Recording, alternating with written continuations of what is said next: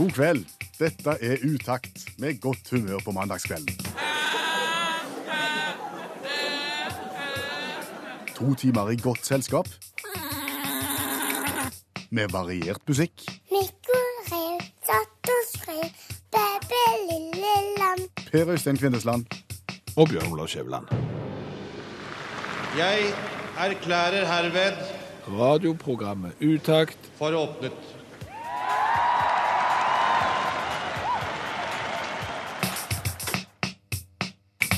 Whitney Houston sang, og Utakt er i gang. Det er utrolig hva du kan få sagt med et rim, Skjæveland. Ja, det, er, det er lyrisk alt du driver på med. Det er kunst, Brøystein. Du burde fått det gitt ut i bokform. Hvis du aldri har hørt programmet Utakt før, så skal du vite at det er basert på en formålsparagraf. En todelt formålsparagraf. Ja, Utakt skal være godt selskap på en mandagskveld, og så skal vi skape godt humør. Og får vi til det, så er mye gjort. Ja. Så har det vært ei helg, og det har vært ei uke prega av vintersport. Og kjenner jeg deg rett, så har du fått sett mye. Ja, jeg, jeg har sett det aller, aller meste av eh, ski-VM, det må jeg ærlig innrømme. Jeg hadde vinterferie, og det var heldigvis såpass dårlig vær at det var ingen unnskyldning for å gå ut. Nei. så, og, og, og, og hva sitter du da så igjen med etter alle disse timene med, med vinteridrett? Ja, det mangler noe. Det mangler noe. Vi Ja, har det- en haug med gull. Det er suksess på suksess. Jeg, jeg, jeg tenker ikke på at det, det mangler på en måte medaljer, men det mangler liksom noe. Det mangler Altså, det jeg tenkte på, var at Norge ble jo beste nasjon Ja. i VM på ski, eh, takket være damene. Ja, mye gull til damene. Mye gull til damene. Men, men hva med beste nasjon? Ja, vi var jo det. Vi fikk jo mest medaljer og mest Ja, men gull. Men hva med beste nasjon? Ja, vi var vel det. Vi fikk jo mest gull og mest Ja, men det er jo liksom Det, er derfor jeg liksom tenker Hva med egentlig beste nasjon? Og, og, og, og da tenker jeg at eh, kunne vi ikke heller, istedenfor å telle sånne medaljer, eh, lage en skikkelig stafett? som kan måle hvem som er best en gang for alle. Ja. Og, og vil jo da gjerne løfte blikket litt og så tenke litt sånn som de gjør i kombinert. Ja, Der en gjør forskjellige ting. Ja. Der en først hopper, og der en så går på langrenn. Og så slår vi sammen det til en konkurranse. Og den første tanken min var jo eksempel å lage en, en kombinert øvelse for de som er gode. De er jo gode, de som driver med kombinert. Ja, de er jo gode i kombinert, men de er jo ikke gode. På den måten at de er jo ikke best i hoppbakken. Sant? Hvis de hadde satt en kombinert hopper mot en spesialhopper, så hadde, jo, hadde det vært store forskjell. Ja. Og, og hadde du satt en kombinert langrennsløper i sporet sammen med eksempel eh, Lekov eller noen andre spesiallangrennsløpere, så hadde det sett dumt ut. Sant? Så de er på en måte gode i kombinert, men de er ikke gode. Og, og, da var det liksom den første tanken min var å lage en ny kombinert øvelse, for eksempel med én spesialhopper som slo seg sammen med en spesiallangrennsløper, og så kon konkurrerte de da mot spesialhopper og spesiallangrennsløper fra andre nasjoner. Men så ble det litt stusslig. Ja, det fanger jo ikke så mye det, egentlig. Nei, eh, og tenker hvis du først skal kåre da, den beste vintersportnasjonen, så må liksom stafetten være større enn det. Så tenkte jeg ok, da hopper først en mann, og så hopper ei dame, og så går en mann på ski, og så går ei dame på ski. Og så er du i mål. Nei, for, for, for det var, så ble det litt fattig det òg, tenkte jeg. Så, så, du må hive inn flere øvelser i dette her hvis denne skal bli spennende, denne stafetten. OK, vi begynner med hopp. sant? To kjønn, den er grei. Ja. Da har vi fått en differanse. Så går f.eks. Martin Jonsson Sundby for det norske laget. Veksler med Marit Bjørgen for det norske laget der han er ferdig å gå. Og så veksler hun f.eks. med, med Sverre Lunde Pedersen. Skøyteløperen. Ja. Da går hun bort til skøytehallen og slår Sverre Lunde Pedersen på eh, skulderen. Han springer inn på skeisene, inn i skøytehallen, turer i gang med 10 000 meter på skøyter. Så veksler han med Maren Lundby, eksempel, som da skal gå eh, 5000 meter på skøyter. Ok. Og når hun er ferdig med det, dette er jo en konkurranse med flere nasjoner, så de er jo ikke det norske, men dette for å kåre den beste vintersportnasjonen noensinne, så må de veksle for, det, der er litt vrient akkurat den vekslinga der, men, men det går nok det, da veksler de med en alpinist. Ok, så basert på de tidsdifferensene vi har så langt, da, Ja, ja, selvfølgelig. så skal mann i, så skal, så skal Aksel Lund Svindal Ja, Opp i bakken og renne utfor med den, det forsprang, eh, eventuelt det forspranget han ikke har, eh, etter at noen har gått på skøyter, gått på ski og hoppet på ski. Og det kan jo være interessant, eksempel hvis han faktisk, faktisk må veksle med skøytehallen og komme seg bort til heisen på slalåmstøvler, og så ta heisen opp, og så eksempel se om han er god i kø. Det er jo òg en sånn vinteridrett. Er han god å komme seg fram i heiskøen? På stolheisen, opp og ned igjen. Og så tenker jeg siste øvelse på programmet. Det er jo den øvelsen der det oftest skjer forandringer i, i tet, og, og det kan være store tidsdifferanser som kan bli henta inn på korte tid. Og da snakker vi om Da snakker vi om skiskyting. akkurat. Du vil avslutte der, ja. Ja. Så der kommer du med en tids... Altså du ligger kanskje et minutt bak Ja. etter, etter alpindelen, for Ja. det gikk litt tungt i køen. Og så veksler du da med, med, med skiskytteren. Ja, mannlig skiskytter først, tenker jeg. Eh, fordi at det er enda større forskjell på eh, resultatene på kvinnelig skiskyting. Sånn at det kan være opptil to-tre minutter forskjell, og så går det nesten an å ta det inn på siste etappe òg. Og så tar du da kvinnelig skiskytter til, til slutt. Og dette er jo en spennende konkurranse på Øystein, som tar nesten hele dagen. du har jo holdt på helt siden i morges. Ja, Det, det kan jo ha blitt ettermiddag Ja, men du det, det, dette er så gøy, ser du, fordi da har du gjerne begynt å hoppe klokka åtte. Ja. Spesialhopperen førstemann ut forbi klokka åtte, og, og skøyteløperen midt på dagen. Og når du kom til, til skiskyting, Ja. så er det jo, det, skumring. Det er tussmørke. Det er tussmørke, kjempespennende hvis du skal stå siste stående, vet du, sant? Klokka halv ti på kvelden, det er nesten begmørkt. Du bare skinte ei skive der borte. Jeg, jeg fyrer til og håper det går godt. Hæ? Det blir spennende. Og da har du kåret den beste vintersportnasjonen noensinne. Macy Gray var det som sang Still. Og mens uh, Macy sang, så kommer det inn en uh, sportslimerick til programmet. Og limerick er jo kanskje den sterkeste uttrykksformen vi kjenner til, så det vi setter veldig pris på når limerickene kommer inn. Ja, eh, en sportsgal fyr ifra Rygge fant seg litt kos og litt hygge. I stolen han satt både dag og natt, til øya ble røde og stygge. Ja, nå vet jo jeg at du er sønn av en eh, limerick-konge, eh, rett og slett, og du er veldig kritisk og skeptisk til alle som kommer med limerick, og, ikke eventuelt klarer alle de eh, tingene som skal være med Altså, i limerick. Rytmikken er jo uhyre viktig i en limerick. Ja. Og her er det mye bra, men det er klart det er ting å sette fingeren på. Ok. Det er små rytmiske host, vil En jeg si. sportsgal fyr ifra Rygge Ja, der ville jeg jo sagt en sportsgalen fyr. En sportsgal fyr ifra Rygge fant seg litt kos og litt hygge. Ja, hei på han. Han fant seg litt kos og litt hygge. Ok, det er en sportsgal fyr fra Rygge. Han fant seg litt kos og litt hygge. I stolen han satt, Det går fint. både dag og natt. Går ikke fint. Går ikke fint, nei. Nei, både ble feil der. I stolen han satt, litt dag og litt natt. Å ja, sånn ja. I stolen han satt, litt dag og litt natt, til øya ble røde og stygge. Den er fin til slutt. Det skal jo være en litt vovet eh, avslutning. Den siste linja skal være litt frekk og litt vovet. Den er ikke spesielt vovet, men, men, men G pluss. G pluss.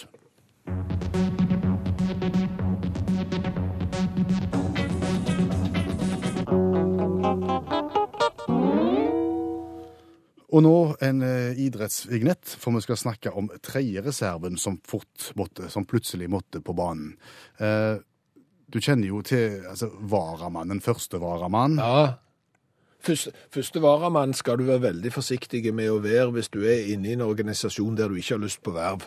For ofte er det sånn at første varamann eh, gjerne har møterett og plikt. Altså det er alltid plass til den. Så, så nesten du er egentlig et medlem når du er første vara. Litt tryggere som annenvara. Ja, det er nesten litt tryggere, men det er ikke helt trygt det heller. Tredje vara. Da er det sjelden. At den er såpass sikker på at du er usikker. Ja, faktisk. Ja. Så når du blir spurt om å være tredje reserve på, på svømmelaget til skolen du gikk på, så tenker du det kan jeg godt være. Jeg kan jo ikke svømme noe særlig fort, men tredje reserve, hallo. Ja. Eh, Det er sånn stallfull. Ja, det er, det er politisk listefull hvis det hadde vært sånn, det er jeg helt enig i. Sjansen for å måtte møte opp når du er tredje reserve i en idrettsgren der folk har lyst til å møte opp, den er marginal. Med mindre omgangssjuka rammer laget. Uhyre smittsom omgangssyke. Og den ene etter den andre faller. Ja. Da kommer brått telefonen til tredjereserven. Du må stille. Og det er deg vi snakker om. Ja, du snakker om meg. Ja. Og, og vi er tilbake på ungdomsskolen. ja. Barneskolen, faktisk. Barneskolen, Jeg tror det er barneskolen. Svømmekonkurranse, ja. Siste, siste årskull på barneskolen. Svømmekonkurranse 50 meter i basseng. Det betyr at det er 25 meter pluss tilbake igjen. Du må, må, men du er ikke god å svømme, du. Kjempedårlig å svømme. Og jeg var ikke bedre da. Eh, Og du, og du meldte deg fordi du trodde at du ikke skulle. ja, ja, vi lo jo litt av det tredje reserve. Hallo, kommer aldri til å skje. Omgangssyke, der er vi på pallen. Eh, ikke god å stupe heller. Du vet at stuping er jo litt sentralt i svømming. De stuper jo framover og får en voldsom fart i starten, sånn at de bare liksom dabber framover. Du skal stupe veldig flatt, på en måte sånn at du bevarer farten fra stupet i vannet, og så skal du få på en måte akkurat den knekken når du går i vannet for å ytterligere få fart ut av dette her. Ja, jeg hadde første etappe. OK? Ja. Eh, Jeg er veldig god til å stupe høyt. Og djupt. Så startskuddet smalt. Og du går rett til værs. Rett opp, har en fin knekk og går rett til bunns. Og bruker åtte-ti sekunder på å komme meg opp igjen til overflaten. Da har jeg ingen fart. Da er de andre halvveis. Og de har begynt å crawle. Oh, ja. Og du kan ikke crawle. Du svømmer Jeg svømmer bryst. Og svømmer det jeg kan, og ser hva de andre gjør når de, når de kommer til 25 meter. Da, runder de ved hjelp av en sånn vending. Altså De en, gjør en sånn slags salto i vannet, sånn at de sparker i veggen og får en voldsom fart på vei tilbake igjen. Ja. Jeg kommer bort der og tar en forsøksvis vending. Jeg, jeg kommer opp samme veien som jeg går ned. Så når jeg gjør min vending, så står jeg fortsatt med nesen og ser i veggen. Ja, for, for de andre tar på en måte en halv salto. Ja. Du tar en hel. Fullstendig heil, ja. 360 grader. Så jeg har bare brukt ti sekunder på å komme ingen vei. Så må jeg snu meg manuelt og begynne å, bruste bryste tilbake igjen. Og svømme tilbake igjen, ja. Da har vel de andre veksla. Ja, da har de veksla jo. Så da møter jeg de på veien. Ut igjen. Andre etappe møter du på veien. Ja. ja. Så, så egentlig så det jeg bare vil si, det er at du skal være litt forsiktig med, med, med, med tredjereserven. Ja, hvis det er noen som tilbyr deg et verv som du tror at du slipper fordi at du er så langt eh, ned på lista, du er aldri, aldri trygg så lenge det finnes omgangssyke. Det var omtrent den gangen tiåren var, var gule at jeg tapte svømmestafetten på skolen. Fordi jeg eh, hadde meldt meg som tredjereserve, eh, og så kom om, omgangssyka i laget. Og dermed så var jeg på startstreken. Og, og jeg skal ikke sitte her og hovere, for jeg er ikke spesielt mye bedre enn deg eh, å svømme, men jeg òg var med på svømmestafettlaget til skolen vår. Eh, Heldigvis så hadde vi Geir på første etappe, så han tapte det på en måte for oss andre. Ser du det gikk så gale med Geir òg? Ja, jeg, jeg, Siden jeg heller ikke var så god, så er det veldig greit at vi på en måte hadde tapt eh, forspranget så godt på første etappe som vi gjorde. For, for det som skjedde, var jo at vi hadde satt han beste på første etappe. Ja, til motsetning fra mitt lag. Ja. Ja. Eh, For å liksom opparbeide seg eh, et forsprang. Så går startskuddet. Ja. Så er det noen som har vært litt tidlige ut ifra svømmeblokka, fra den starten. Tjuvstart. Tjuvstart, ja. Det som da skjer i svømming, jeg har ikke kjempegod greie på det, men det som i hvert fall skjedde da, eh, når eh, vi svømte stafett, det var at de senkte ned et tau midt over banen. Et slags sperretau. Ja, sånn at liksom, når du er under vann, så er det jo litt vanskelig å høre liksom, nei, det var tjuvstart, eller et skudd til, eller et eller annet sånt. Så når du da kommer opp, så skal du se dette tauet, så skjønner du, å, det var tjuvstart. Ja. Det visste jo ikke vi, Nei. og det visste jo ikke Geir. Nei. Geir trodde jo at det var noen som tulla med han. Sant? Så han, han var jo første mann, han var kjempesnar å summe. Han var første mann fram til det tauet. Han og tenkte, hva er det folk driver på med slags tull? Og baksa seg forbi dette her tauet. Han tenkte det var sabotasje, han. Ja, hindring. Hindring. Og fortsatte videre. 25 meter, saltovending, tilbake igjen, og der ligger jo tauet ennå. For noe rot. Og bakser seg forbi dette tauet, og kommer og tror han skal veksle med meg. Men Nei, men det var jo tjuvstart. Så, så dermed så må jo Geir begynne på første etappe en gang til. Og han har jo allerede sumt 50 meter så fort han bare kan, inklusiv baksing på midten for å passere hinderet to ganger. Og da er Geir trøtt. Han er kjempe, han er kjempetrøtt. Og, og dermed så fikk vi aldri det forspranget vi skulle ha, og, og da gjorde det ikke noe om jeg svømte kjempeseint og, og svømte bryst sånn som deg, og, og på en måte tapte hele, hele greia. Har du hatt flere leie svømmeopplevelser? Ja, jeg tror kanskje den leieste det er et utdrikningslag jeg var i. Svømming i utdrikningslag? Ja, ugreit. Ja, det, det pleier å flyte, men jeg vet ikke. Poenget med dette utdrikningslaget var at han som gifta seg, han hadde vært aktive svømmer. Eh, Kameratflokken er jo gjerne henta fra det miljøet du har brukt mye av ungdomstida di i. Det vil si at de aller, aller, aller fleste hadde drevet med aktiv svømming. Sågar noen som hadde drevet det så langt at de hadde vært i OL. Hadde de kropper som tilsa at de hadde vært aktive svømmere? Altså, nesten alle hadde en kropp som var formet som en V. Ja. Muskulær? Ja, veldig breiskuldra og, og, og smale rundt midjen. Det var på en måte gjennomgangsmelodien når det gjaldt utseendet i det drikningslaget. Nesten alle, sier du. nesten alle med ut... Du var der, du òg. Ja, Du har ikke vært aktiv svømmer. Nei, vi var to som ikke hadde den kroppsfasongen. Det var meg og Sigve. Og, Og så ble det Nei, og så var det jo noen som fant ut at eh, jeg tror det er en god idé nå å ha en form for svømmestafett her òg. Selvfølgelig, det er jo bare svømmere, nesten. Ja, vi var på ei øy, så det tøffe der var å hive seg ut fra brygga, så skulle du summe rundt en sånn en rundingsbøye der ute, og der var det jo 14 mann med V-kropp som heiv seg ut i sånn en liten speedo-badebukse og turte ut i, i sundet. Mens oss to andre hoppet uti. Holdt for nesen. Selvfølgelig holdt du for nesen utrolig vondt når du får vannet rett opp i Ja, det er ikke bra. og, og havna på sånn bestemorsvømming. Ja.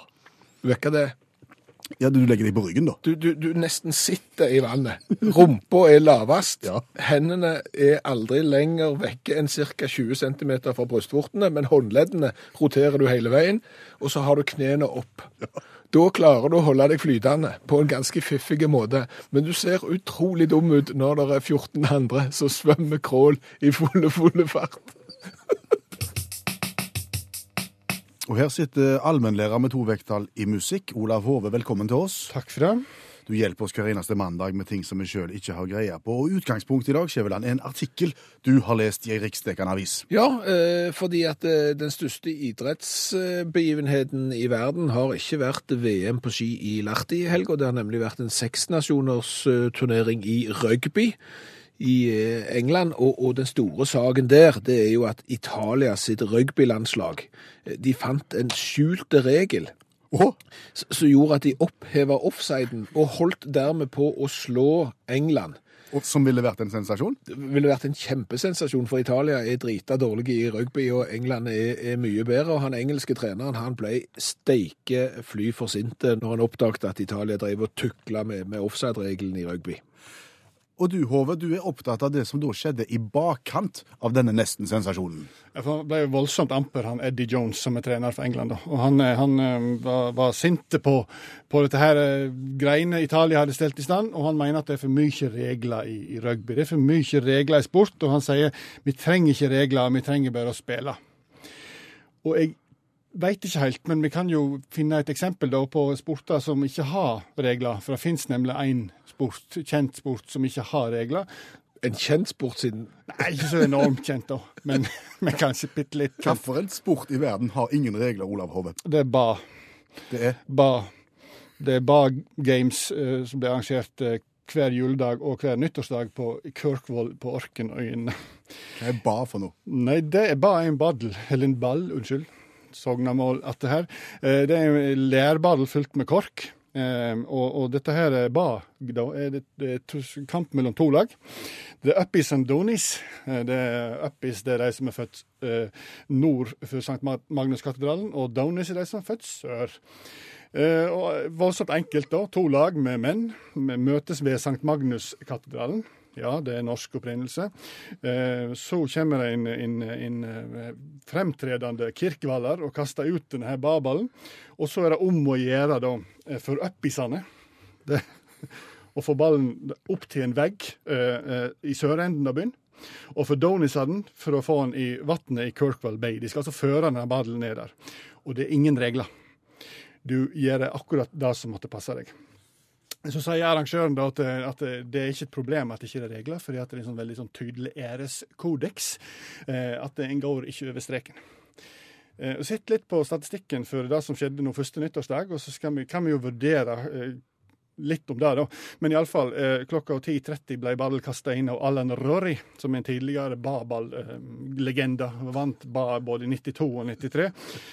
Og, og, og, og Uppis hadde stilte med et mannsterkt lag på 152 mann, mens Downis stilte med et enda sterkere lag på 153. Ingen regler, så det er ujevne lag, da. Eh, Så støyde de på fra halv elleve, og klokka 17.17 så klarte opp igjen Derek Rødd å stappe ballen inntil veggen på sørsida av byen. Altså etter 6 timer og 47 minutter. Eh, Så, eh, så telte en opp etterpå, og eh, når kampen var ferdig, så hadde, kunne de registrere 38 ribbeinsbrudd, 32 utslåtte tenner, 9 håndleddsbrudd, et ukjent antall blåveiser, 6 ankelbrudd, 16 jernrystelser, tre knuste ruter på hus, skade på 18 biler, 36 meter hekk ødelagt, eh, skade på blomsterbed på 26 hus dag, et ukjent antall knuste hagegnomer, og brostein for 2000 pund var revet opp. Ingen regler. Ingen regler. Men Uppis vant. Øppis vant, vet du. Det var Øppesen. Tusen takk skal du ha, allmennlærer med tovektig musikk, Olav Hove. Det var Kygo og Konrad. Ja, det, det høres ut som en barnebok. Kygo og Konrad kjøper hest. Ja. Kygo var syv år og hadde veldig lyst på hest. Konrad var redd hester. Nei, det kunne blitt ei barnebok, det. For eh, ja, det har vel gått en måned og to nå Ja. siden, så snakket vi med bestemor di, og hun er ganske voksen. Hun er voksen. Vi snakket med henne for et par måneder siden, for da hadde hun 102-årsdag. Japp. Og problemet med gamle folk er jo at jo eldre du blir, jo mindre ønsker du deg. Er du 50 år, så ønsker du deg nesten ingenting, og er du 102, så ønsker du deg overhodet ingenting. Og du skulle i bursdagsselskap til 102-åringen, og hadde selvfølgelig lyst til å ha med deg noe i presang. Mm. Derfor så ringte vi opp øh, bestemor di og snakket med henne i radioen for å høre hva hun ønsket seg. Og det var altså ingenting. Nei, det var ingenting. Det Overhodet ingenting. Men, men når vi begynte å nøste litt Ja. Om Så kanskje det kunne være et eller annet du så ønsket deg. kunne det alltid litt sånn eh, parfymer og godlukt og kremer og sånn, og så til slutt så datt vi vel ned på at eh, ei flaske med 4711 hadde ikke vært så verst. Nei. Det hadde vært midt i blinken hvis hun kunne fått det til 102-årsdagen sin. Den klassiske dameparfymen 4711. Å, du Cologne, Kölnerwasser, vet du. Eh, Poenget er jo det at det er jo ikke så lett å finne 4711. Det er jo ikke, de har jo ikke det på samvirkelaget, liksom. Så, men dette intervjuet Mhm. hørte Tanja på. Ja, Tanja hører utakt, og Tanja hører veldig mye radio, Mm. eh, og ble fascinert av historien til bestemor di. Spurte opp 4711 på internettet, fikk bestilt det, sendte det til meg med tydelig beskjed om at denne flaska med 4711, den skal bestemor di ha, og du må ta den med og gi den til henne. Bestemor di på 102 heter Eva Ryen. Eh, Hun ser ikke spesielt godt. Hun ser litt seint. Ja, det ser veldig seint. Så du tok med deg eh, presangen og gikk. Skal vi høre hvordan det gikk. Skal vi åpne den? Ja, Skal du lukte på den? ja. Her. Kan du lukte på den? Er det syv for elleve? Ja, det er 4711. Det har jeg ikke sett siden mamma døde. Det er en som hørte deg på radioen, som har sendt den inn, så jeg skulle ta med til hun på 102. Så du har fått en presang fra en som hadde hørt deg på radioen. Jeg tror du er galen. Det var det verste jeg har hørt. Å, guri meg, så deilig, koselig. Gud, Det minner meg om når vi skulle kjøpe presang til mamma hver jul. Lukter det godt? Ja, fantastisk. Gammeldags, sånn som vi kjenner. Når lukta du sist på 4711? Ja, det har jeg ikke kjent siden krigen. Da vi bodde i Trondheim, da kom tyskerne. Og vi bare ville hatt 4711, for for det er et tysk produkt. Ja. Og så de kom i butikken til, til Martha. eh, Bruns parfymeri i Nordre gate 10. Men, men du jobbet på parfymeri, du? Ja, jeg, skulle hjelpe henne. For jeg, jeg kunne liksom bitte grann tysk, ser du. Alle disse tyskerne, de skulle absolutt ha eh, kjøpe parfyme og, greier. Og så, så fort de kom inn i butikken, så sa de 'Haben Sie Kölnerwasser'? Og da var det 4711, så de skulle var se... foreldre, ja. Så vi måtte gjemme vekk. Martha måtte gjemme vekk noe av lageret. Fordi at eh, det ble eh, tomme hyller, vet du, bare på noen timer. Det var like etter krigen var br- brutt ut. Du syns ikke det lukter litt gammelt en dag i dag, da? Nei, jeg syns ikke det. det, den, der, det den er ikke den voldsomt sterke. Den er mer sånn litt lun lukt. Jeg vet ikke hvordan jeg skal si det. Ikke sånn skarp. Og det var favorittparfymen til mor di òg? Ja. Ikke bare til mamma. Det var når folk eh, skulle ha noe parfyme, så var det alltid gå og kjøpe syver for elleve. Jeg kan ikke huske noe annet navn. Har du brukt det sjøl? Ja. Det lukter veldig friskt. En liten touch av noe sånn friskt. Det er deilig, vet du. Og du ønskte deg jo ingenting til 102-årsdagen, eh, men nå har du fått uh, har jeg 47-11, er ikke det greit? Syver for elleve har jeg fått. Tenk på det. Jeg ble så rørt. Og, og det er ubegripelig at jeg sitter her og holder på syver for elleve-flasker. Som jeg husker fra jeg var ung pike. Tenk på det. Det er mange år. Men da har du iallfall 47-11 for ei lita stund. Ja, det er nok min tid ute. Jeg holder med Det klarer seg, det.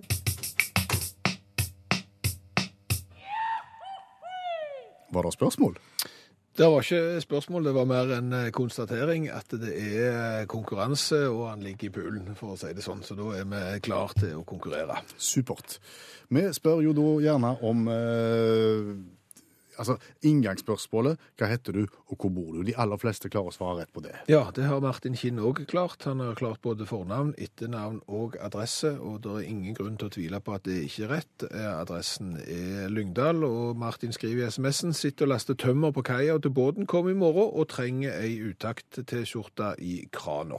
Og den er snart på vei til Lyngdal, Martin. God kveld. God kveld, god kveld. Flott. Du, sitter du i, i kranen nå? Ja, jeg- nå mistet akkurat en klo med tømmer her, så jeg sitter og rydder opp dette her, eh, det rotet jeg laget til akkurat når dere ringte her. Sa du at du mista noe? Ja, jeg, jeg skulle leste det på en henger og så datt av her, så nå sitter jeg og rydder opp igjen alt dette her som skjedde når dere, når dere ringte på her. Da må vi bare beklage her forstyrrelsen, Martin. Hvor, hvor er det dette tømmeret kommer ifra, og hvor er det skal til? Nei, det er området rundt i Agder og, Agder og Telemark, og så skal det til Tyskland. Ja. Og bli til sier det. Det er ikke meg som styrer det, men det blir vel til materiale og masse virker og diverse. Ja, De bruker jo veldig mye trehus i Tyskland. det vet du ingenting om. Det var ironi. Nei, Nei det, det, det er lenge siden jeg har vært i Tyskland, så det skal jeg ikke svare på. Du, vi, vi spoler oss heller inn på Utakt sin konkurranse, Martin. Nå skal vi kjapt gå gjennom reglementet for den. En hel bunke med spørrebøker, eh, tolv i tallet. Jeg bare liksom hiver en og en foran meg, og så sier Martin stopp når han har funnet rett bok. Og så finner vi et sidetall og et spørsmål, og svarer Martin rett, så skal han få gladjodling.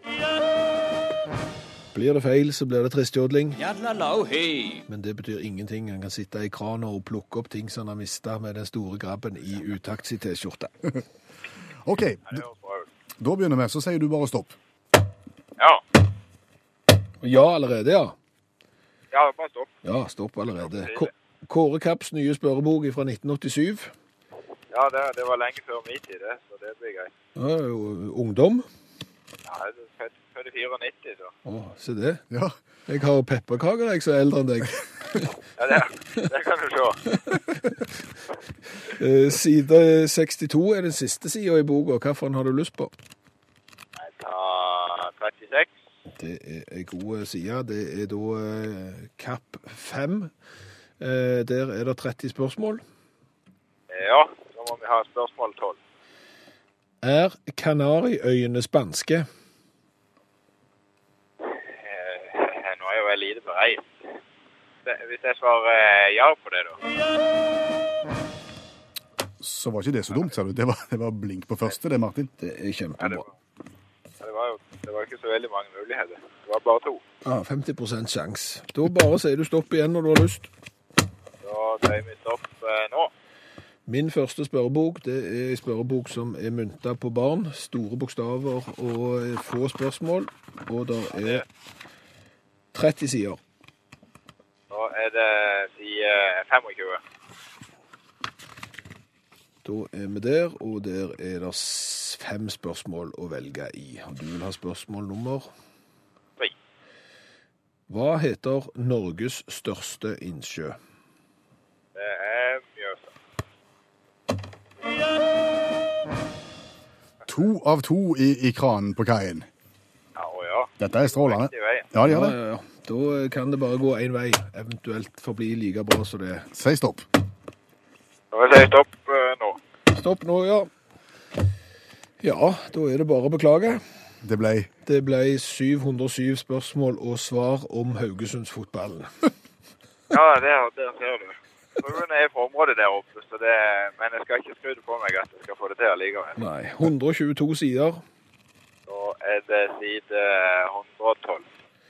Da lurer jeg på om du er såpass heldig at du har havna inn i det som er vedlegget til denne boka, og det er VM-fotball. Ja, det, jeg tror ikke det er noe bedre, for det ser ikke så veldig fett på fotball. Ok, men det er faktisk VM-quiz, ja. Og der er syv spørsmål på den sida. Da må vi ha eh, spørsmål fem. Kan jeg eh, anbefale spørsmål seks, eller? Eh, ja, det kan du absolutt. For det er fra det årstallet du ble født. Ja, der kan du se. Ok. Det var, ikke, det var, iallfall ikke mye fotball jeg kikket på det året. Nei, men i hvilket land ble VM arrangert i 1994? Ja, Da var Norge med for første gang på lenge, lenge, lenge. Ja nå skal fotballferdighetene er forferdelig dårlige, så det, da du hadde ikke alternativ til dette her. Nei, men vi kan fortelle deg såpass at eh, de har fått seg en eh, president eh, nettopp med en tilsynelatende litt rar hårsveis. Eh, kan det være USA, da? Det kan du, vet du. Ja, ja, ja. Ja, Du, du ble født, Norge var med i VM, og NRK streika. Det var det som skjedde i 1994. Ja, ja, men det var ikke galt bare det. Martin, en fornøyelse å ha deg med. Nå skal du få rydda ferdig i, i tømmeret ditt. Ja, tømmer ligger på plass, og nå er det jo å fortsette på å lese opp på kaia. Og vi skal smake på noe som ikke ser godt ut. Ja, vi er kommet til Utakts store colatest. Vi tester cola fra hele verden, og det gjør vi fordi at eh, nordmenn reiser mye rundt i verden. Og hvis du ikke liksom skal ta den tradisjonelle Pepsi eller Coca-Colaen, hvilken skal du da bryne deg på? Og det gjør vi for deg, sier vi, men vi syns jo òg det er tøft å være det radioprogrammet i verden som har smakt på mest colaflasker. Og så syns vi det er veldig stas å ha lyttere som sender oss cola fra hele verden når de har vært ute og reist. Sånn som f.eks. Lise har gjort. Lise Winther har vært på Gran Canaria og funnet en artig liten skoier fra Østerrike. Ja, det er da en liten eh, tynn plastikkflaske, og nå tror jeg bestemor mi har lagt seg, så jeg kan si det. Den flaska ligner mer på et seksuelt hjelpemiddel enn den begynner med colaflaske, for å være helt ærlig.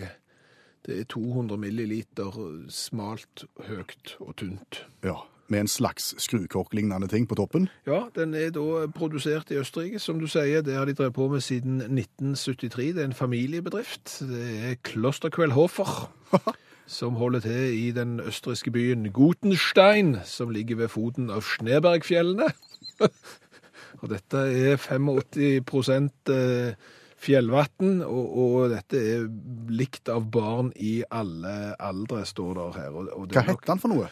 Han heter Twist and Drink. Twist and drink. Twist and Drink Cola Mix.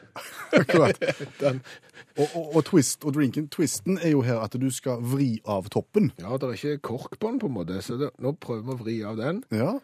Da vrir du av toppen, og da blir det et lite hull på toppen. Som om du nesten kan få et sugerør inni, men vi har ikke sugerør, så da må nesten bare skvise ut. Hvis du ser for deg en sånn litt eh, sånn, sånn karamellsaus som du kan bruke på is, Ja, med en sånn en tut, så ligner det bitte litt på det. Det finnes jo ikke kullsyre i det. Oi sånn. Dette er jo så barnevennlig at det er jo nitrist. Fargen et spor av lilla. Ja, det er mer gussent enn enn svart i hvert fall. Og Og lukta ikke godt. det lukta, det lukta badebasseng. Det lukta gammel dusj i et eller annet sånt. Det gjorde det. Fikk du lyst til å smake på? Uff a meg. Uh, twist and drink, la oss smake.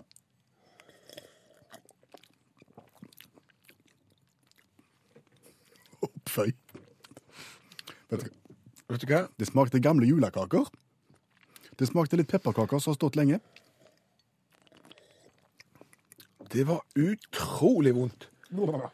Hvis dette her er noe De lager 50 millioner flasker i året, skriver de.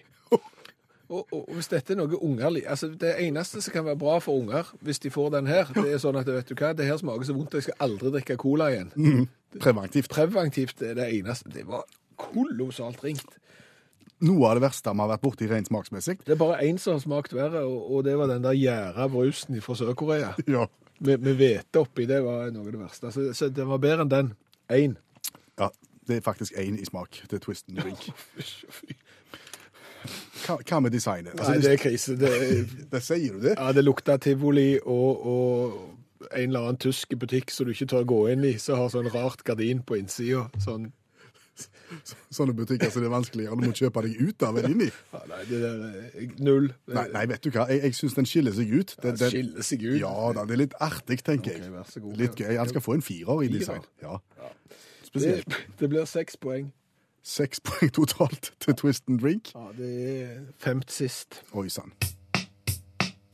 Du, Ja. kan jeg få synge en vignett? Hvis det er god radio, pleier jeg å si da. Jeg er litt usikker på om det er god radio, men eh, vanner i, vi får prøve. 20 spørsmål for Studio K7, uten publikum og band og panel og ja. Fortsatt litt å gå på med tanke på vignetten, men konseptet er for så vidt artig. Ja, det er en videreføring av 20 spørsmål, som er et eh, tradisjonsrikt eh, radioprogram som ikke finnes lenger, men vi har holdt det litt ved like, men vi har ikke postkort som blir sendt inn av eh, folk med vanskelige ord, bare heller ikke band og panel som skal være med og hjelpe. Du skal gjette. Jeg går inn på internett, på rubrikkannonsene, og finner et produkt som er til salgs. Ved hjelp av 20 spørsmål skal du finne ut hva for et produkt. Mm. Kan jeg velge fylke i dag, eller? Du kan velge fylke, ja. Jeg vil til Østfold. Du vil til Østfold. Det var veldig godt at du ikke valgte Vest-Agder, for da hadde du fått eh, bakteriepasta til avbalansering av bakteriefloraen i mage-tarmkanalen, og den kunne blitt vrien. Er den for salg? Den er for salg. Hva fylke var det du sa du ville til? Østfold. Østfold, vær så god. Noen spesiell kommune? Aremark, Askim, Eidsberg. Eidsberg. Eidsberg, ja. Da kom inn på Eidsberg. Flotte greier, og datamaskinen jobber. Og det siste produktet som er lagt inn i Eidsberg, det er den, ja. Da må du fortelle alle som hører på Utakt akkurat nå, hva jeg skal fram til, og så trekker jeg meg vekk, og så tar vi det derfra. Dobbelt hundebur. Dobbelt hundebur. Da er vi ferdige. Ja. Og vi begynner. Jeg pleier å jeg tar første spørsmål, som jeg alltid gjør. Ja. Er dette her noe som du tror jeg ønsker meg? Nei, På ingen måte. på ingen måte. Nei. Eh, er dette noe mange folk har? Begrepet mange er nok litt Altså, det er ikke sjelden Altså majoriteten av Norges Nei, befolkning? majoriteten av Norges befolkning har overhodet ikke det. Overhodet ikke Nei, dette. Nei, akkurat. Eh, er dette her en eh, ting som en plasserer ute? Eh, nei. Dette, vil jeg ha. dette plasserer en inne. Nei. Den plasserer verken ute eller inne. Ja. I garasjen? Nærme deg. Hagen? Nei, altså, skal det ikke stå utendørs? Nei. Og ikke innendørs? Da, da, nå står det Så stille. sa du garasjen. Ja, Og hva er det som står i garasjen? bilen. Ja. Kan, er det noe du skal ha i bilen? For eksempel så skal du det, ja. Akkurat. Er, det, er, er, det, er det en del til bilen? Nei. Er det ekstra utstyr til bilen? I ekstrautstyr til bilen, ja. Til bruk inni bilen, ja. Ja. Eh, til bruk i eh, der som folkene sitter, eller tilbake i bagasjerommet? Det er ikke et ja eller nei-spørsmål. Skal du ha det inne i kupeen der menneskene sitter? Nei. Du skal ha det i bagasjerommet. Ja. Det er det punktet du tok. Nei. Elleve spørsmål. Nei. Dette er en ting som skal stå i bagasjerommet på en bil. Ja. Som et slags ekstra utstyr. Eh,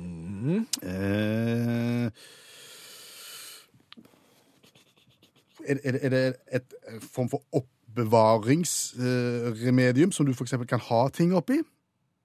Ja, du, du oppbevarer på en måte noe i det, ja, men med det, ja. Mm. Uh, Og det er vel Ski? er Nei. Det er vel liksom selve produktet du skal oppbevare, som er liksom essensen her. OK. Noe du kan oppbevare som du skal ha i bilen, bak i bilen. Um, fyller dette her remediet store deler av bagasjerommet i bilen? Ja. Det er stort, med andre ord. Ja. Eh, er det noe du bruker på campingtur? Nei. Ikke spesielt. Altså, du bruker det om du skal på campingtur eller andre turer òg, for så vidt. Er det noe du skal ha mat oppi? Nei. Spør om du skal ha noe levende i det. Ja, Men du nærmer deg jo 20, du må jo ha ja, hjelp. Du er jo helt uh... OK, ja. Du skal ha noe levende oppi der. Altså, Ja, du skal ha et dyr faktisk oppi Ja. der. Du skal ha hunden din inni der, ja, antageligvis. Ja, det skal du ha. 18 spørsmål. 18 spør. Ja, det er hundebur til bruk i bil. Selges i Eidsberg kommune for kroner. 2500, men det er ikke helt rett, sa du. For det- for er det et labradorbur? Nei, det, det er et Er det dagsbur? Operasjon Dagsverk. Det er et dobbelt hundebur Et dobbelt, til en Hilux. Hva er det? Hilux, det er jo en sånn Er det en en- bil eller hund? Det er en bil.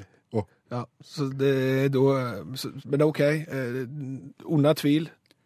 Dobbelt hundebur til Hilux, 2500. Det er praktisk òg. Alt du kan få tak i nå til dags. Og vår venn, allmennlæreren med to vekttall i musikk, Olav Hove, er fortsatt med i programmet og hjelper oss med det vi sjøl ikke har greie på. Tidligere i kveld så snakket vi om uh, rugbykampen som nesten endte med en sensasjon pga. smutthull. Ja, altså Italias rugbylandslag fant en skjult uh, regel som oppheva offsiden, og dermed holdt de på å slå rugbygiganten uh, England. Engelskmennene ble sure, treneren eh, ble sure, og allmennlærer Olav Hove han ble ikke sure, for han eh, har lyst til å se på smutthull. Ja, fordi at eh, dette her var jo et smutthull, ja. Og, og denne her rasende treneren Eddie Jones han sa at smutthull er aldri kjekt. Smutthull vil han ikke ha noe av. Nei, smutthull blir aldri kjekt. Smutthull er bare trist. Er det sant? Ja, Det er jo litt sant, da. Men eh, av og til så er det litt kjekt, da. For det, det finnes jo to typer smutthull innenfor både idretten og ellers i samfunnet. Og det er de uforutskyldte, der folk finner smutthull de ikke visste var der. Som f.eks. Thomas Berdik, tsjekkisk eh, tennisspiller som, eh, som var i ferd med å tape semifinalen mot Andy Murray i US Open i 2012. eh, og tapte et ganske avgjørende poeng og klagde til dommeren fordi han ble, han ble forstyrra av at Andy Murray mista capsen. Det skjønte ikke dommeren noen av, men så dukka det opp en mann fra tribunen som sa at han hadde lest regelboka og visste seg at hvis du har først serva med caps, så har ikke du lov å smashe med caps. Uten caps. Altså du, Hvis du først har begynt å spille med caps, så kan du ikke slutte med det. Så Andy Murray mista han, bles felt, og en, Thomas Berdyk fikk poenget. Eh, og fant et smutthull og var godt fornøyd, tapte kampen. Samme skjedde i sjakk-EM samme år. Eh, Uno O'Boyle fra Irland var i ferd med å knuse sin, eh, sin eh, ukrainske motstander. Eh, eh, og og um, i en pause der så klagde den ukrainske dama til dommeren om at hun ble så veldig forstyrra av den svære utringningen til Una O'Boyle. Der òg sjekka de reglene, så viste seg at nei, det var faktisk ikke lov å ha svær utringning i sjakk, for det er skikkelig eh, forstyrrende. Og ikke minst en hadde Men, men dette var to damer mot en annen. var to damer mot vil si det hadde vært mye verre hvis det var på en måte én av hvert kjønn. Da Ja. hadde jeg jo skjønt den Ja, det var det. Men denne ukrainske dama var ikke klar over at det var et smutthull, men dermed så ble det kjempepopulært smutthull her, og det ble flere diskvalifikasjoner i løpet av EM. Og nå har de kun polo høghalsa, og generalsekretæren i Women Grandmaster, som er da sjefen for eh, damesjakk, hun sier, eh, heter Sava Stojsovitsjevic, et eller annet sånt. Hun sa at eh, vi, vi har den regelen for å bevare siste del av anstendighet i sjakk, for det er jo, det er jo ganske utagerende sjakk. Ja, ja. ja, ja. Altså, Så- når, når, du har full, når folk er fulle og nakne og, og, og spiller utagerende sjakk Det er helt håpløst. Skal vi ta litt fra virkelig verden og ikke sportsverden? Røykeloven vet du, ble innført, og da kom det masse smutthull prøvde en å finne her i Norge. Eh, ikke alt var like kjekt. Eh, det samme ble gjort i Minnesota og eh, staten Minnesota i USA i 2007. Og de hadde studert Norge, og de hadde studert at det var masse smutthull. Og de hadde bestemt seg for at her skal ikke det være smutthull i det hele tatt. Så de lagde en, en lov som sa det er ikke lov å røyke inne. Ferdig med det. Selvfølgelig hvis, du, hvis det er sånn sceneoppsetninger, sant? eh, da går det an å røyke, for det er jo kunst, liksom. Sant? Så det er, jo, det er jo greit. Men bortsett fra det, det er ikke lov. Så dermed ble Barnacles Bar i, i Maplewood ble eh, omdøpt til Barnacles scene. Um, for det sto nemlig ikke noe i loven om at det måtte være profesjonelle skuespillere. Og det sto ikke noe om hvilken type scenekunst det var. Så dermed ble samtlige gjester de, de ble invitert til å delta i improvisasjonsteatret Smoky hver eneste dag. Og dermed kom de inn og spilte seg sjøl. Noen hadde replikker, noen hadde ikke replikker. Eh, Peter Warden, eh, øldrikkende mann nummer ni med røyksug, som han ble kalt, han likte så godt at han satt der hver dag i ett og et halvt år før staten endelig klarte å stoppe den saken. Han hadde søkt to ganger om kunstnerstipend, fikk det ikke, for det kosta mye å være øldrikkende skuespiller. Festlig. Smutthull er kjekt. Ja, smutthull er kjekt. Ja. Tusen takk, allmennlærer med to vekttall i musikk, Olav Hove. Jeg hørte allmennlærer Olav Hove snakke om denne rugbykampen som ble avholdt i England her nå i, i helga. Så kom jeg til å tenke på at det er vel bare meg av oss to som har vært på rugbykamp. Ja, det har du rett i. Vi var for så vidt på samme turen, men mens du var på, på rugbykamp i London, så dro jeg for å gå på Liverpool-fotballkamp i Liverpool. Ja, eh, forskjellen på de to turene, det var vel at jeg hadde billett til rugbykampen før jeg dro. Ja, jeg hadde ikke billett til, til Liverpool-kampen. Eh, Planen min var å skaffe meg billett ut forbi Anfield Road. Ja, og, og den andre forskjellen var vel at togturen jeg tok, den var ca. 20 minutter. Ja, Min var tre timer, cirka, hver vei. Ja. Ja. Eh, Vi hadde fint vær òg med. Ja, ja, vi hadde sånn passe greit. vær. Passe greit vær, ja. Og når vi kom fram til den store, store stadion der den rugbykampen skulle eh, spilles, vi hadde jo ikke noe forhold til rugby, men vi tenkte det var sikkert kjekt å finne ut av det, så var det tydeligvis at det var en sånn St. Patrick's Day-feiring i forbindelse med den rugbykampen, og dermed så var en hele fotballbane ut forbi var full av semitrailere som sto lina opp, og alle semitrailerne var puber. Jøss.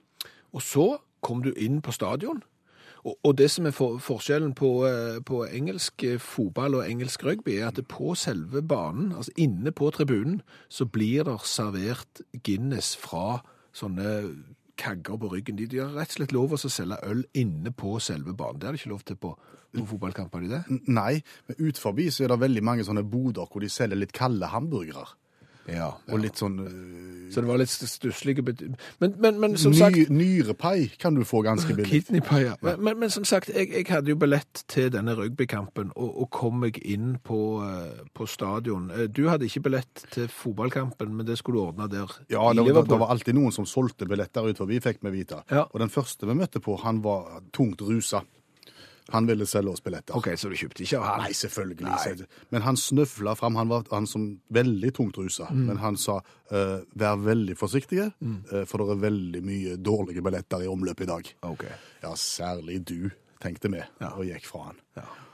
Nei, men vi, vi gikk inn på, eh, på stadion med, og så begynte jo denne rugbykampen, og det er utrolig tøft med rugby, for det er jo barske mannfolk, de ikke har de beskyttelse, og, og hvis en havner i bakken og, og slår seg, så stopper de ikke kampen for det, da får de jo bare eh, han der hjelpemannen som kommer inn med, med isposen og sånn, han kommer jo mens spillet pågår, sant? Så det, og kjempegod gang, og et skikkelig familiearrangement er det faktisk, utrolig med, med unger og, og sånn, og vet du hva som skjedde? Nei. midtveis i kampen. Sol og fint vær. Vi satt midt i solsteigen og hadde aldri sett dette spillet før i det hele tatt, og ble litt grepet. Så kommer det springende ei dame midt over banen, og hun hadde ingen klær på seg. Nei, sier du det? Ja. Da, da, da var vel det omtrent rett før den kampen du skulle på starte? Ja, ja, vi traff jo en, en billettselger til slutt. En, en liten tass som, som var veldig interessert i oss i og med at vi kom fra Norge Ja. og, og var fra Stavanger. Han lurte på om vi kjente til Brede Hangeland. Ja, ja, ja. Viste en voldsom fotball, fotballinteresse.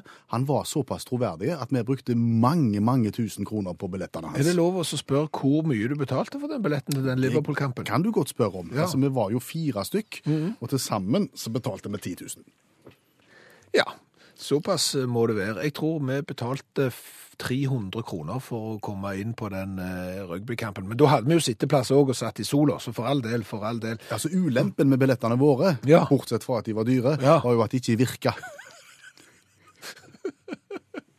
Altså Når du kommer og skal inn på Anfield Road og skal gi fra deg billetten din, og de begynner å snakke i walkietalkie, og da kommer en sånn en mann med høy hjelm bort til deg og tar Politi deg, heter det. Politi, Bobby.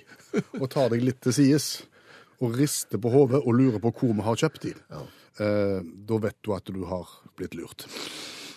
2500 kroner Ja, Pluss togturen. pluss togturen, ja, for en billett som ikke virka. Litt dårlig vær, dårlig servering. Eh, jeg vil anbefale rugby framfor noen idretter nesten av og til. Det er utrolig godt å vite at you'll never walk alone når du har bomma på billetten i Liverpool. 2500 for å sitte på en pub på utsida Ja, av stadion. og så vant Liverpool 5-0. Det hører med til historien. Du, det har vært en slags en, en, en, en idrettsrød tråd gjennom programmet i dag. Vi begynte jo med, eller Du begynte jo med å lansere den ultimate vintersporten, der en slår sammen alle greiner, egentlig. Ja, alt som har med vinteridrett å gjøre, og gjør det til en kolossalt lang stafett som varer nesten eh, tolv timer. Enormt publikumsvennlig Ja, ja. og, og artig. Og, og, og Magne, som hører utakt, har sendt et forslag til, til en annen idrett som kunne blitt veldig artig for mange. Det er hvis at du bytter kartleser eh, altså til en, en rallybilfører. Han som forteller hvor, hvor du skal kjøre. Mhm. Ja, for det er sånn 4H over krønen, og så et eller annet greier og sånn, og så, ja. For eksempel hvis du har en valiser som kjører bilen, Ja. som da vanligvis har med seg en valiser som kartleser, Ja. bytt ut kartleseren fra Wales med en finne. Ja. Fire øks i et eller annet, Ja. og det blir bare rot. Ja. Nordmann kjører bilen, fransk kartleser. Ja, ja, ja. To droits, ja. Det hadde vært en interessant øvelse, og jeg tror spesielt de bildene innenfra bilen, tror jeg kunne vært eh, godt fjernsyn. Veldig. Takk for den, Magne. Du, helt til slutt i dag. Jeg tenkte vi kunne snakke om eh, den kulturelle skolesekken. Ja, den som består i at uh, ulike former for eh, underholdning eller kultur reiser rundt på skoler og bidrar med ting. Ja, forskjellige arrangement og, og diverse. Nå i, i forrige uke så var det 2000 trønderske skolebarn som fikk oppleve den kulturelle skolesekken, på, på godt og vondt. Gikk det bra? Eh, For noen gikk det bra, eh, for noen gikk det sikkert ikke fullt så bra. De fikk nemlig se en skrekkfilm. Oi sann. Eh, og arrangøren, eh, ja, de beklager seg eh, nå. Eh, 40 skoler fra Trondheimsområdet fikk i forrige uke se skrekkfilmen Utbur. Eh, og, og det som skjedde var at svært mange av disse elevene ikke fikk eh, sove etterpå. De kom hjem som skremte barn. Oi sann. Da har eh, skolesekken svikta på en måte. Jo, men så må du sette det i perspektiv, Per Øystein. For OK, dette er en skrekkfilm, og, og det kan nok virke skremmende på svært mange. Men det var ikke bedre før. Nei. Det hendte at vi fikk besøk av Rikskonsertene. Ja. De kom bardust inn i klasserommet. De kom bardust, de òg, og de hadde gjerne poncho. De kunne spille panfløyte. Sanger du aldri hadde hørt. De spilte musikk som de likte. Ja. De spilte ikke musikk som jeg likte. Nei. De hadde teaterstykker du ikke trodde var mulige. Du fikk lyst til å gå hjem og så se fjernsynsteateret på NRK, for det var mye bedre. Så nifst var det. Ja. Hadde vi fått sitt skrekkfilm, hadde vært fornøyde hvis vi hadde fått sitt skrekkfilm.